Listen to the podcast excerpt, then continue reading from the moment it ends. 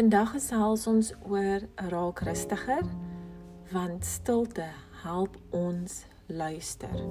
Ons lees uit 1 Samuel 3 vers 10. Toe het die Here gekom en gaan staan en geroep soos die vorige kere. Samuel, Samuel. En Samuel het geantwoord: Spreek, want u knegg hoor. Met ander woorde, Samuel het stil gaan staan. Hy het rustig geraak en hy het geluister wat die Here vir hom gaan sê. Ons lees ook uit Johannes 14 vers 27.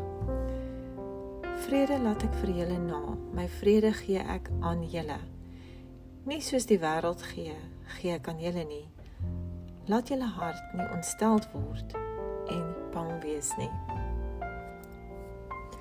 Wat beteken dit vir ons om rustig te raak? Beteken nie ons moet lui wees nie. Beteken nie ons moet net leeg lê nie. Dit beteken ons moet rustig raak en nie angstig voel nie.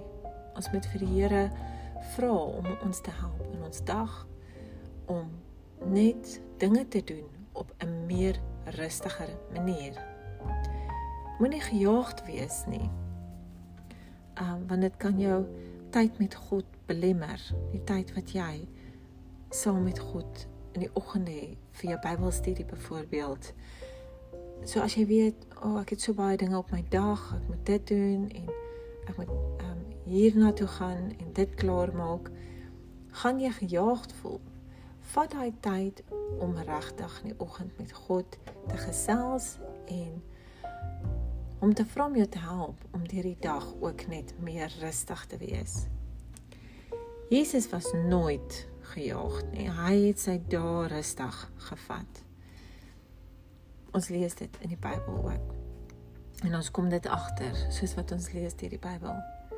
Hy het in gebed met God ook rustig verkeer.